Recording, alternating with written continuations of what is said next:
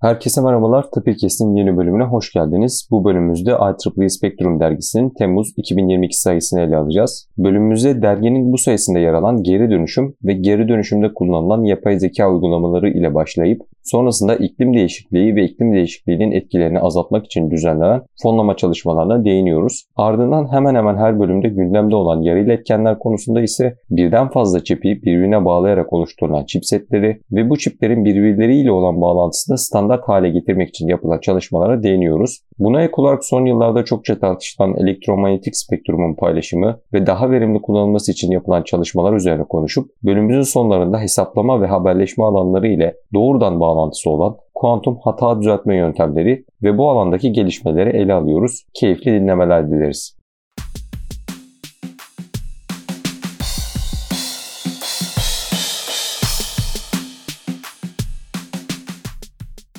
Sen hocam hoş geldiniz. Hoş bulduk Halil. Hocam IEEE Spectrum'un Temmuz 2022 sayısını konuşmak üzere bir araya geldik. Spectrum'a baktığımızda geçtiğimiz aylarla aslında paralel konular var ancak bu ayki sayıda geri dönüşümün geleceğe dair iklimle alakalı problemlerin nasıl etkileyeceğinin ve bunu engellemek için neler yapabileceğimizin, neler yaptığımızın farklı alanlarda çeşitli örnekleri mevcut. Bunlara ek olarak uzayla ilgili, roketlerle ilgili çalışmalardan bahsediliyor. Yine yarı iletkenler mevcut ve yine haberleşme alanında IEEE Spectrum deyince haberleşme alanında FCC ile hükümet arasında, FCC ile Amerikan halkı arasında nasıl bir çekişme var, spektrumu nasıl paylaşmayı planlıyorlar buna dair çeşitli yazılar mevcut. Bizim dikkatimizi çekenler bunlardı. Hocam kapak konusuyla başlamak istiyorum bu sefer çünkü Özgür abinin aslında lisansta yapmış olduğu bitirme projesinin günümüzde nerelere kadar ilerlediğini anlatan bir yazı. Proje şu, bir hat var ve hattın üstünde geri dönüştürülmesi gereken materyaller mevcut. Sürekli ilerleyen bir hat. Bunun içinden plastik, kağıttan, metali, işte camdan nasıl ayırıyoruz? Hatta plastikleri ayırdıktan sonra ya da ayırma anında plastik türlerini kendi işlerinde nasıl ayırıyoruz? Bunlara dair nasıl çalışmalar yapılmış? Bunlardan bahsediyor. Özgür abinin zamanında da hatırlıyorum o zaman bunu bana prova için yapmıştı ve anlatmıştı. Temel olarak mevcut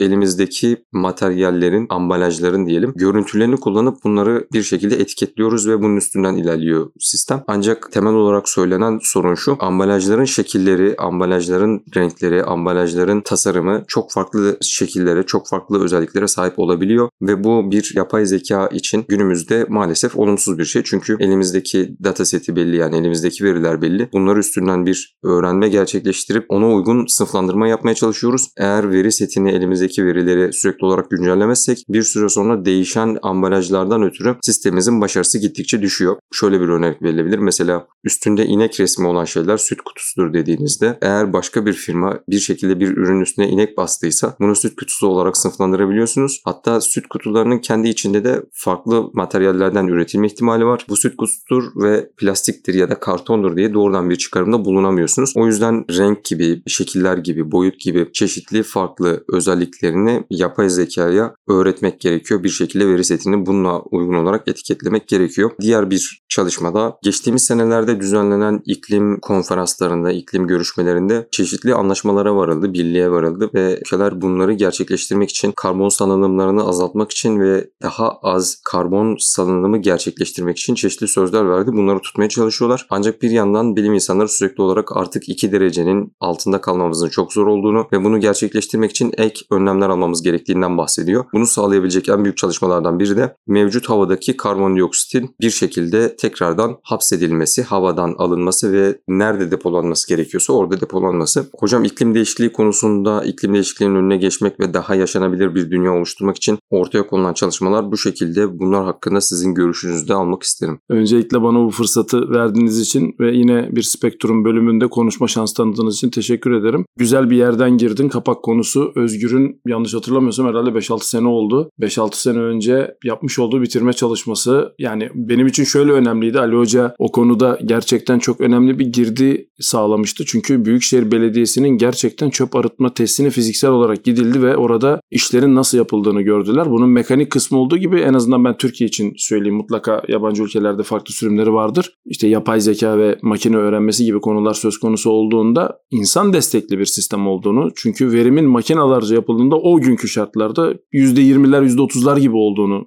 yanlış hatırlamıyorsam yanlışsam da düzeltirsiniz ama yani beklenenin çok çok altında bir verimle çalıştığını ben hatırlıyorum. Şimdi çalışmaların buraya geldiğini görmek tabii ki heyecan verici ama senin de söylemiş olduğun üzere değişen teknolojiyle alakalı iki tane durum bir arada. Bunlardan bir tanesi şimdilik avantaj gibi duruyor. Yapay zekanın hızlanması, yapay zekanın daha verimli hale gelmesi ve bununla ilgili platformların, donanım altyapılarının gelişmesi bu sevindirici bir şey. Yeteneklerinin arttığını düşünüyoruz. Yapabildiklerinin sınırlarının en azından daha da genişlediğini düşünüyoruz ama bir taraftan da senin söylediğin bir konu var Halil. O, o da bence çok önemli. Teknolojik yakınsama ve ıraksama dediğimiz konu. Hep konuşuyoruz bunu Spektrum podcastlerinde. Paketleme teknolojisi de çok değişik bir hal alıyor. Hatta çok belirgin bir örnek yine Ali Hocam beni düzeltsin yanlışsam. Süt kutusu üzerinden gidelim. Şu anda mevcut işte pastörize sütlerin içinde saklandığı dışı karton olan kutunun içerisinde çeşitli nedenler ve kimyasal süreçler yüzünden alüminyum var. Bunun da ayrıştırılması gerekiyor. Bu da çok ciddi bir durum. Yani o çünkü o şekilde ayrıldığında ve öyle kaldığında artık geri dönüştürülemez bir metal haline geliyor. Halbuki çok daha verimli kullanılabilir. Dediğin gibi tersten bakıldığında da ya bu bir karton dediğinde sınıflamanın çok çok altında bir yerde kalıyorsunuz. Yani dolayısıyla teknolojik yakınsama ve ıraksamayı bir arada görüyoruz. Hatta ben çok önceleri şaşırmıştım Avrupa ziyaretimizde. Bulunduğumuz birkaç ülkede de bunu farklı yerde deneyimleyince insan tabii o zaman farkındalık biraz daha üste çıkıyor. Amerika Birleşik Devletleri'nde böyle değildi. Avrupa'da çok önce yani belki bundan 10-15 sene öncesinden bahsediyorum. Çöplerin evde ayrıştırılmasıyla alakalı zorunluluk ve zorundalık vardı. Amerika Birleşik Devletleri'nde işte filmlerde de görüyoruz. Mutfak eviyesinin orada içine döktüğünüz işte küçük parçaları, kırıntıları bir şekilde daha da küçük parçalara ayıran bir bıçak mekanizması var ve kanalizasyon sistemini o şekilde aktarıyor. Mesela oraya yağ koymak çok büyük suçtu Amerika Birleşik Devletleri'nde. Ancak bazı eyaletlerde. Şimdi konuyu buraya getirirsek tekrar çok yıllar önce bu farkındalık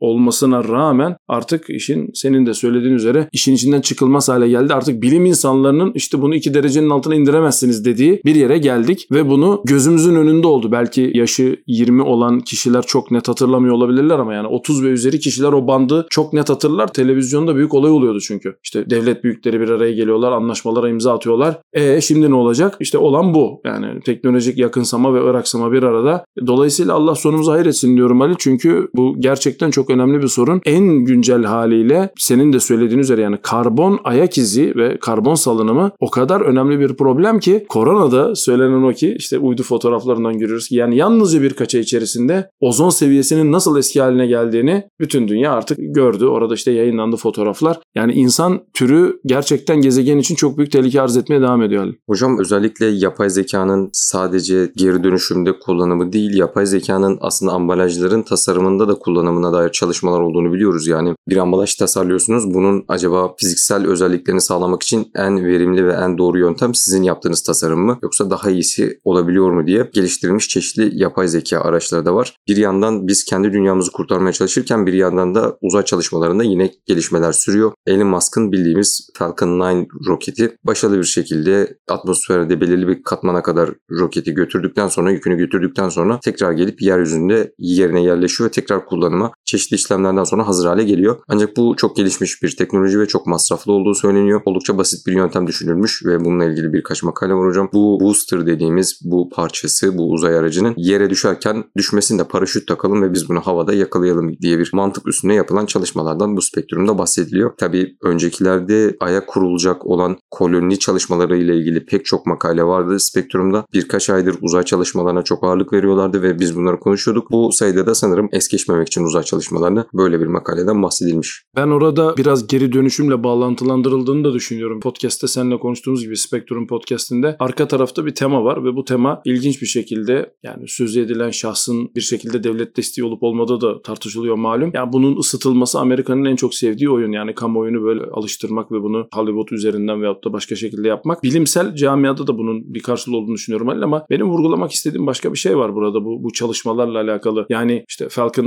9'ın tekrar yere inmesi ya da işte paraşütle bunu almaktan ziyade yine global anlamda böyle bir geri dönüşümle alakalı bir şeyden bahsetmek istiyorum. Çünkü 2-3 podcast önce, 2-3 spektrum önce çip krizinden bahsetmiştik ve hatta işte biz de şimdi bugün her gün laboratuvarda uğraşıyoruz. Daha önceden mevcut kullanılmış yongaların ve parçaların artık tekrar kullanılabildiği bir dönemi Spektrum gibi bir dergide insanların karşısına çıkartır oldular. Yani gerçekten işin boyutu bence çok vahim. Yani bunu konuşuyorsak bu başka bir şeyin de konuşulduğu anlamına geliyor. Belki o şu an başka şeyleri duymuyoruz ama çok yakında bunları da duyacağız diyorum. Çünkü bir taraftan dediğin gibi yani gezegenin geleceğiyle alakalı bazı kaygılar taşıyoruz ama içinde yaşadığımız gezegende yakın geleceği göremez duruma geldiğimiz bir galiba açık konuşmak gerekirse yakın gelecek içerisindeyiz. Bu tabii beni ürkütüyor. Tahmin ediyorum Spektrum'un bu son sayısındaki bu geri dönüşümle alakalı her alandaki geri dönüşümle alakalı olan şey ki Spektrum Sharing'le de alakalı bir durum var. Orada da bir reuse'dan bahsediliyor. Tekrar kullanımdan bahsediliyor. Yani böyle bir ana tema var. Dediğin gibi kapakta olduğu gibi ben bunu biraz kaygı verici buluyorum. Anladım hocam. Yani dünyanın artık ham maddeyi topla, üret, bunu belirli bir süre kullan ve kaldır at sistemiyle ilerlemeyeceği görüldü ve bunun önüne geçmek için çok çok konuştuğumuz gibi tamir edilebilirlik gibi, sürdürülebilirlik gibi konularda deniz gibi spektrumda hemen hemen her ayda bir vurgu yapılıyor. Tabii şimdi yarı iletkenlerden ve çip krizinden bahsetmişken o noktada bir gelişme var hocam. Öncelikle geçtiğimiz podcast'te nasıl çiplerin daha verimli bir şekilde iki boyuttan üç boyutlu şekilde üretilebileceğini, katmanlı yapıların ve bunların birbirleri arasındaki bağlantıların nasıl olacağına değinmiştik. Şimdi Apple'ın M1 çipi mesela hem merkezi işlem ünitesini hem de grafik işleme ünitesini bir araya getiren tek bir çip set olarak geçiyor. Yani içinde birden fazla çipin bulunduğu, birden fazla görevi yapan ancak dıştan baktığınızda tek bir bütün gibi görünen bir elektronik cihaz. Bunun diğer şirketler de yapıyor ve diğer şirketler de gerçekleştiriyor ancak çipler arasındaki bağlantının gerçeklenmesi oldukça önemli bir konu ve bu noktada ciddi zorluklar yaşanıyor. Bunun önüne geçmek için geçtiğimiz aylarda Mart ayında sanırım bir açık standart yayınlandı ve artık çipleri birbirine bağlayıp bir chipset üretmek isteyen hemen hemen herkesin kullanabileceği bildiğimiz klasik PCI gibi bir standart olması ümit ediliyor ki ilerleyen günlerde bu chipsetler daha yaygın ve daha kolay üretilebilir bir hale gelsin. Şimdi M1 gerçekten çok ilginç bir teknoloji. Yani M1 ile paradigma değişti mi? Bence değişti. Her ne kadar internette bir sürü işte karşılaştırma yapılsa da paradigmayı değiştiren bir çip. Yani şöyle bu teknoloji üzerine çalışılıyordu. Ya birisinin bunu oturup çalışıp belki suboptimal diyeceğiz. Optimal olup olmadığını bilmiyorum ama bir şekilde insanların kullanımına sunup başarıyla bence çalıştırabilmesi gerçekten çok büyük teknoloji Halil. Bu noktada senin de sözünü ettiğin üzere artık 3 boyutlu yongalar ve bunun üzerine yapılan çalışmalar biraz daha önem kazanıyor. Çünkü dediğin gibi artık sıcaklık, işte kuantum mekaniksel etkiler yine bu spektrumda az da olsa bahsedilen bir konu. Elektroniğin geldiği yer, bunların yanında enerji tüketimi ve yapmaya çalıştığımız işlerin az önce de işte kapak konusunda bahsettiğimiz gibi yapay zeka gibi biraz işlem gücü yüksek en azından eğitim aşamasında işlemlere kapasite ihtiyaç duyan şeylerin ortaya konmasında paradigmayı değiştiren bir durum. Biraz tabii tartışmalı da bir konu çünkü bunu endüstriyel anlamda düşündüğünüzde kendilerine göre standardı olacak teknolojik firmalar da olacak. İşte Apple bunlardan bir tanesi ama açık standartların olması burada her zaman avantaj. Çünkü bir süre sonra bu çiplerin üzerine çiplerin de konacağı bir durum gelecek. Yani muhtemelen onu öngörüyorlar. Yani birkaç çipi bir araya koyup bunların üzerine başka çipleri de koyabildiğimiz daha bir süper çip diyebileceğimiz bir duruma doğru gidiyor iş. Çünkü eninde sonunda senin de söylediğin gibi yekpare bir tasarıma doğru giden bir durum var. Bu anlamda Apple'ın bu geliştirmiş olduğu teknoloji ve devamı ve bu açık standart bence gerçekten yerinde bir makale. Öyle hocam hatta dediğiniz gibi çipleri birleştirip süper çip yapmak gibi bir fikir olabilir.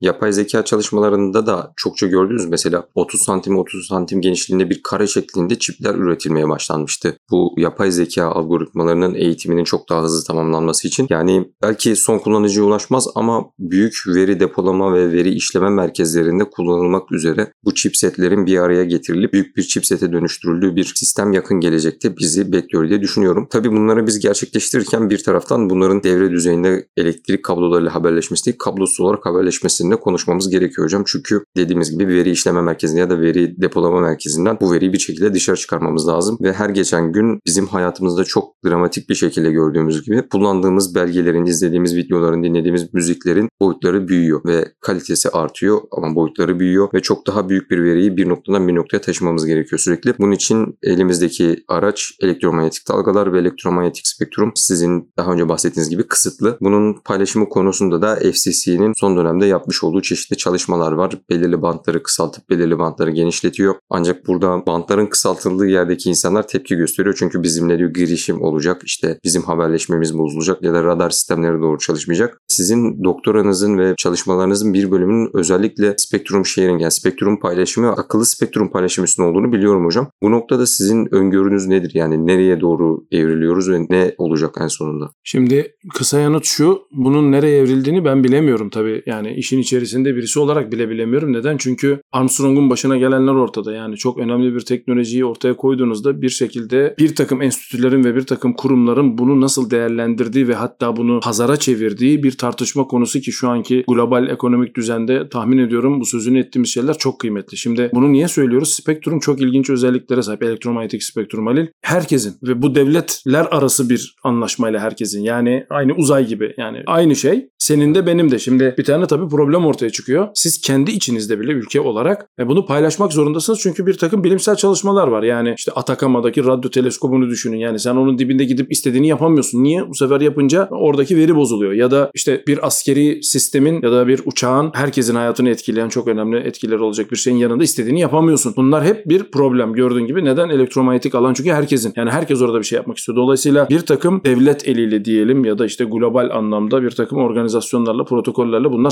sınırlandırılmak durumunda. Ancak benim burada vurgulamak istediğim konu şu. Yanlış hatırlamıyorsam 2006-2007 yıllarında belki 2008'de olabilir Amerika Birleşik Devletleri ne yapılabilir sorusuna yanıt olarak bunu söylüyorum Halil. Karasal yayınların, analog karasal yayınların çok daha dar bir banda sıkıştırılarak, dijital teknolojiler kullanarak, yeni teknolojiler kullanarak hayatlarına devam etmesi için işte o günkü oran için 1 bölü 5 diyelim yani 5 birimlik bir alan vardı ve bunun birine kendinizi sıkıştırın dediler. Ve geri kalan 4 birimi yeniden başka amaçlar için kullanım açtılar ki sözünü ettiğim spektrum bandı dinleyenlerimiz için şöyle söylemek gerekir. İnsanoğlunun haberleşmek için kullanacağı en tatlı tırnak içerisinde bölge. Neden? İşte anten boyu, elektromanyetik yayılım özellikleri, şu bu hepsi bir araya geldiğinde 700 MHz bandı gerçekten çok arzulanan bir band. Ne yapılabilir sorusunun yanıtını bence Amerika Birleşik Devletleri zaten verdi. Yani e, senin için en verimli olan yeri olabildiğince yeni teknolojileri açmak için daha çok çalışıyor olman lazım ve eskiyi daha iyi hale getirip daha da sıkıştırabiliyor olman lazım. Tabii ki bunun bir üst sınırı var mı? Var. Ancak buradan şu sonuç çıkmamalı. Daha önce hiç açılmamış bantları da bir taraftan FCC açıyor. Örnek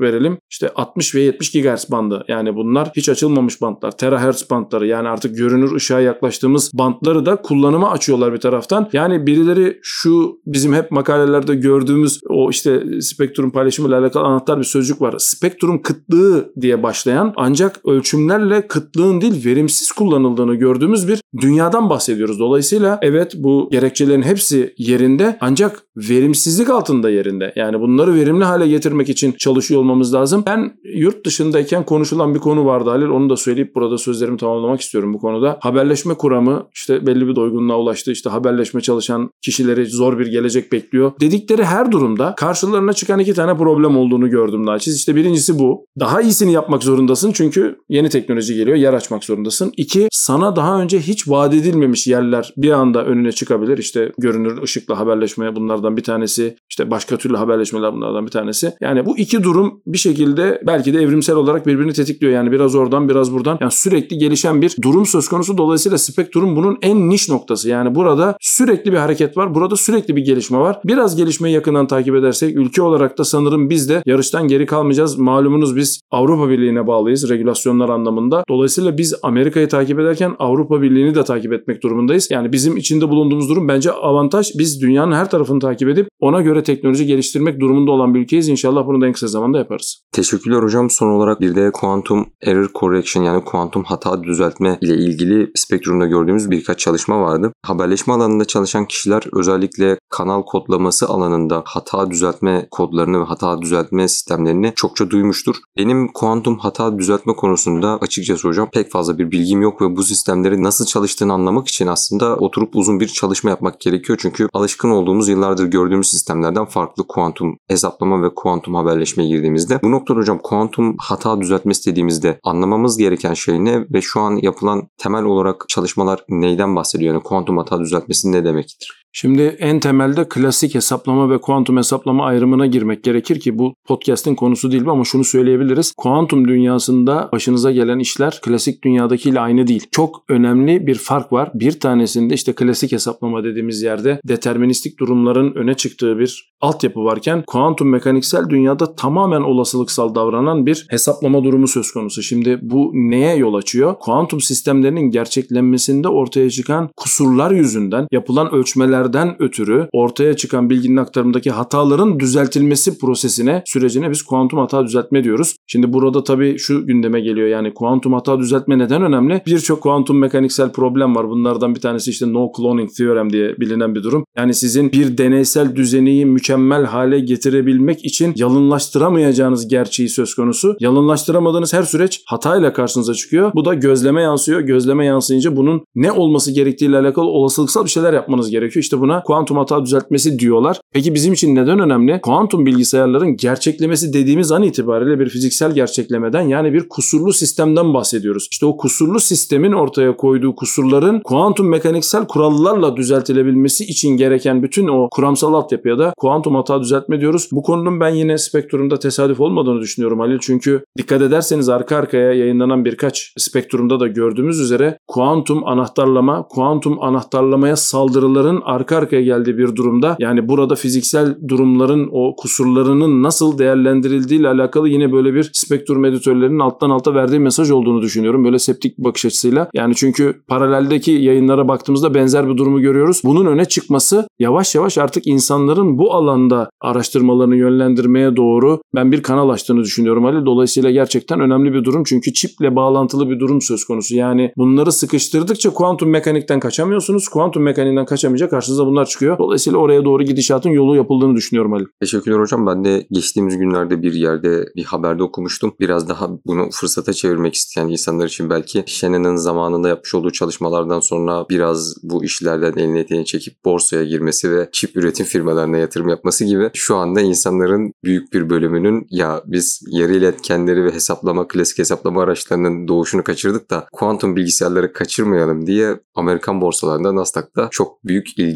duyduklarını ve burada açıkçası 4-5 şirketin başı çektiğini ve bu şirketlerin aldıkları yatırım ve hisselerden ötürü aslında kuantum bilgisayarlarda kullanılacak ilerideki birkaç farklı yöntemden hangisinin daha baskın olabileceğine dair çıkarım yapılabileceği söyleniyor. Çünkü fazla yatırım alan her ne kadar sistem belki diğeri kadar verimli olmasa da parayı çektiği için daha fazla çalışma yapabilecek, daha fazla insan fonlayabilecek, daha fazla alet edevat alabilecek ve ortaya bir cihaz koyacak ve kuantum bilgisayar işte bu deneyecek. Burada tabii ki ekonomik yönlerini bu işin vurgulayarak podcast'imizi tamamlamak istedim hocam. Katıldığınız için teşekkür ederim. Ben teşekkür ederim Ali. Herkese iyi haftalar diliyoruz. Görüşmek üzere.